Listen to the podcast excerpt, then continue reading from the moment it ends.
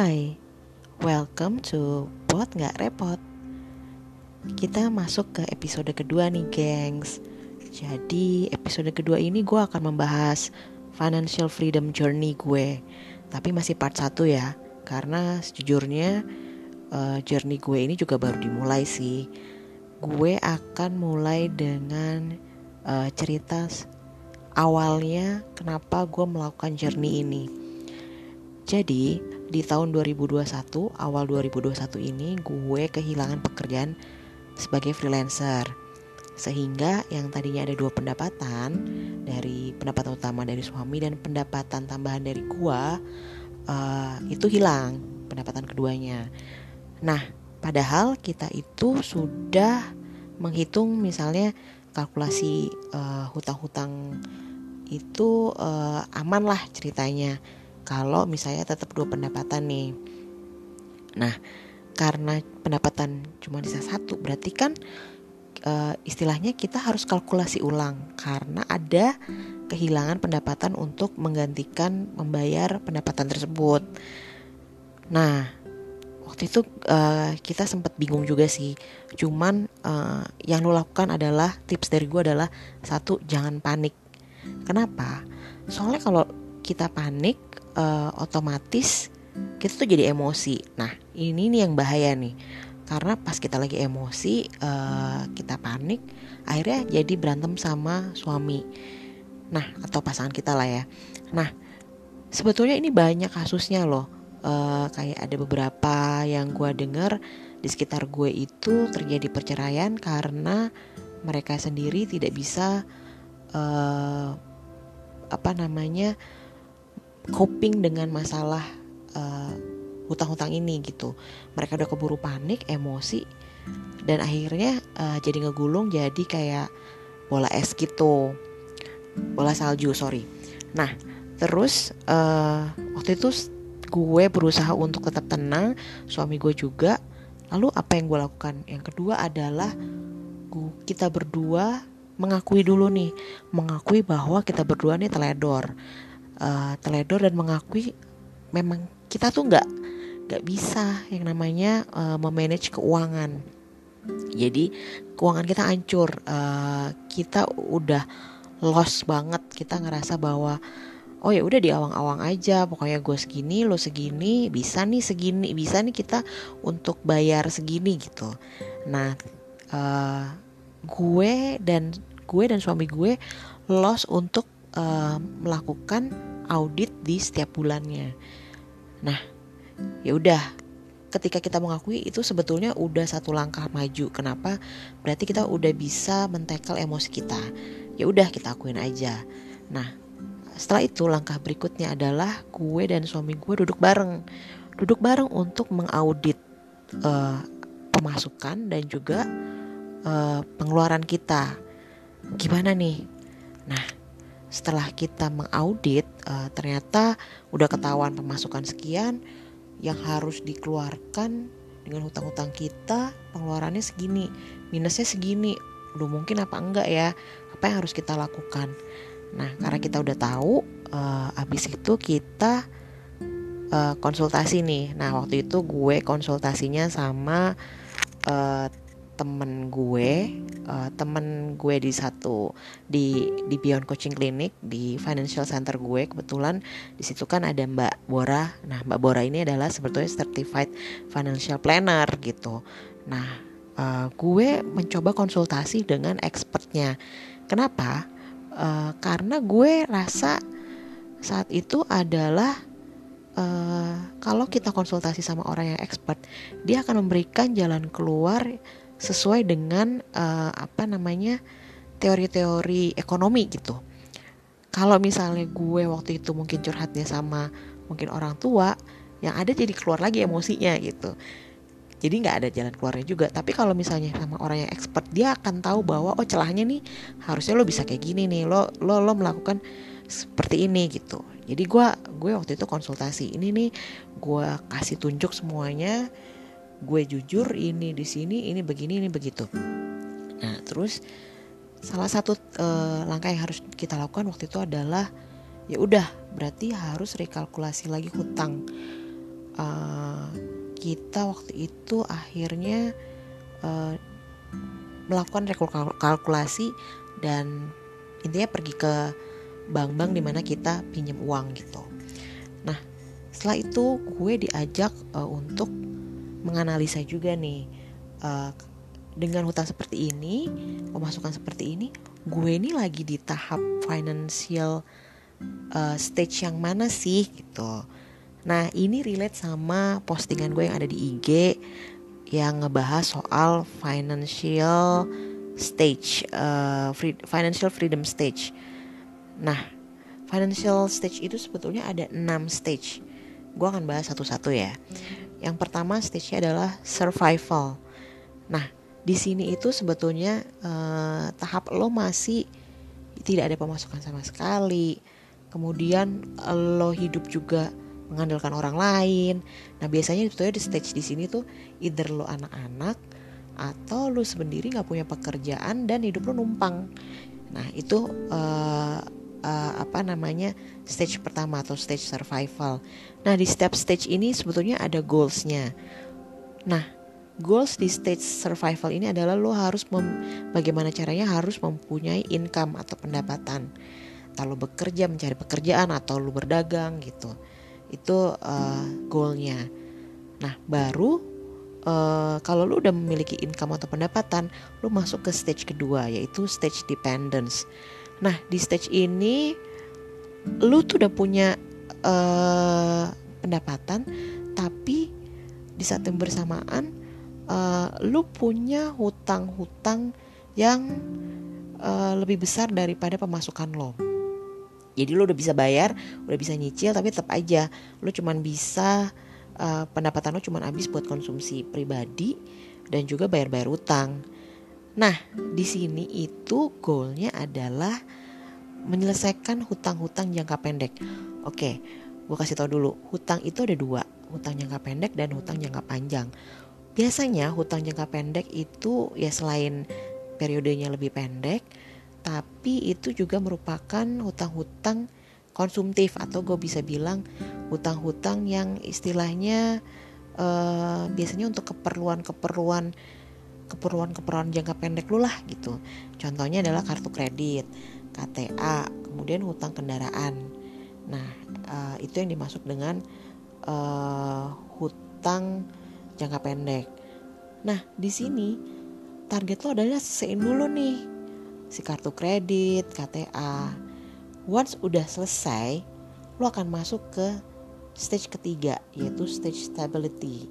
Nah, di stage ini itu sebetulnya uh, lo itu punya tugas goal lo adalah untuk menyelesaikan hutang jangka panjang. Dan itu harus dipercepat.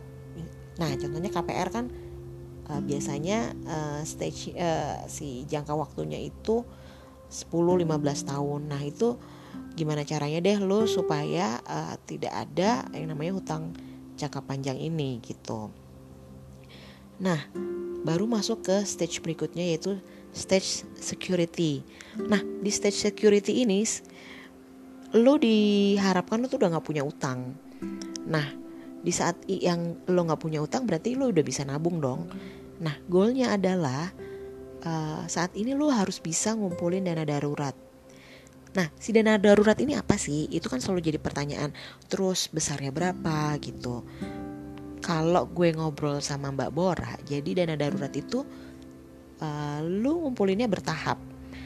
Dana darurat itu dipakai uh, untuk kebutuhan yang sifatnya uh, tidak ada di dalam uh, pengeluaran rutin bulanan. Contohnya, kalau lu uh, tiap bulan pasti kan lu punya mobil, terus lu tiap bulan mengeluarkan uang untuk beli bensin, tapi kan gak tiap bulan lu uh, ngebenerin mobil kalau rusak kan.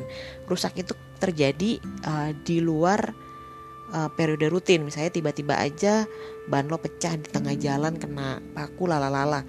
Nah, itu kan sebetulnya lo tidak bisa memprediksi itu kan. Nah itulah yang dipakai untuk sebagai dana darurat. Atau misalnya keperluan untuk tiba-tiba ada keluarga yang sakit kayak gitu. Nah uh, keluarga ini kita mau bantu nah itu yang kita pakai itu dana darurat. Atau misalnya tiba-tiba lo kena PHK nah itu kan sesuatu yang sesuatu yang lo sendiri eh, nggak bisa prediksi kan? Nah dana darurat ini berapa lamanya dan berapa banyaknya itu uh, amannya gini. Kalau teorinya orang single itu dana darurat adalah enam kali pengeluaran uh, bulanan. Pengeluaran ya bukan gaji. Jadi pengeluaran lo uh, tiap bulan itu berapa? Nah itu yang lo kalikan 6 uh, tapi kalau lo berumah tangga itu paling enggak lo harus punya 12 kali pengeluaran keluarga lo dalam uh, satu bulan nah bisa juga misalnya uh, misalnya lo udah bisa mencapai itu lo mau kaliin dana darurat 2 sampai 3 kalinya itu nggak masalah gitu. Yang pasti lo harus punya pegangan dulu nih dana darurat. Gitu. Nah, baru lo masuk ke stage yang kelima. Stage kelima ini adalah stage independence. Jadi uh, paling nggak lo punya dana darurat minimal dengan dengan minimal periode misalnya kalau single itu 6 bulan nah lo tuh udah udah bisa mulai untuk investasi jadi jangan dibalik nih ya jangan lo punya investasi dulu baru lo punya dana darurat no jadi punya dana darurat dulu baru lo uh, menginvest kelebihan uh, atau misalnya dana yang sudah lu spare gitu. Nah ini investasi ini kan sebetulnya namanya juga investasi. Lu berharap mendapatkan pendapatan tambahan. Nah jadi lo di sini bisa pakai bisa membeli eh, produk-produk keuangan yang bisa memberikan pendapatan tambahan. Nah baru misalnya lu sendiri sudah punya banyak uh, keranjang pendapatan ya. Gue bilangnya keranjang karena sebetulnya ya gaji itu masuknya pendapatan lo itu keranjang satu. Terus keranjang kedua mungkin lo dapat dari uh, usaha lo. Yang ketiga dari investasi lo. Nah lo udah punya banyak nih. Nah udah lo masuk ke stage yang keenam which is stage financial free. Bahkan uh, jadi istilahnya si investasi lo itu sudah bisa membiayai kebutuhan sehari-hari. Lo nggak perlu lagi si gajiin. Jadi si pendapatan yang dari investasi udah bisa lo pakai buat uh, daily daily daily needs lo lah istilahnya kayak gitu. Itu namanya stage abundance. Bahkan lo kalau istilahnya bahkan lu kalau nggak kerja pun nggak dapat gaji pun nggak masalah karena lu sudah sudah mendapatkan pendapatan dari si uh, investasi lo gitu. Nah kalau dilihat dari stage ini gue tuh masih di stage yang kedua which is goal gue adalah harus menyelesaikan hutang-hutang jangka pendek. Uh, yang agak-agak lumayan juga sih ini. Cuman gue yakin bisa sih. Nah yang gue suka uh, apa namanya agak bingung adalah sebetulnya uh, sebetulnya gue nggak bingung sih gue ya yang menjadi challenge salah. Jadi gue challenge gue adalah sebetulnya terkadang gue agak uh, terchallenge untuk menentukan prioritas dalam melakukan pengeluaran. Contohnya kayak misalnya gini oh kayaknya gue uh, butuh makan deh nih gitu. Gue pengen butuh makan keluar ke restoran gitu. Nah itu kan sebetulnya hiburan itu juga salah satu yang bikin lo mental lo masih uh, apa namanya mental lo sehat lah ya gitu kan hiburan. Nah padahal tapi padahal daripada keluar kan better gue pakai buat bayar utang dong gitu Nah, yang kayak gitu-gitu challenge seperti itu yang masih godaan-godaan itu yang masih menjadi uh, apa namanya uh, menjadi momok lah istilahnya kayak gitu.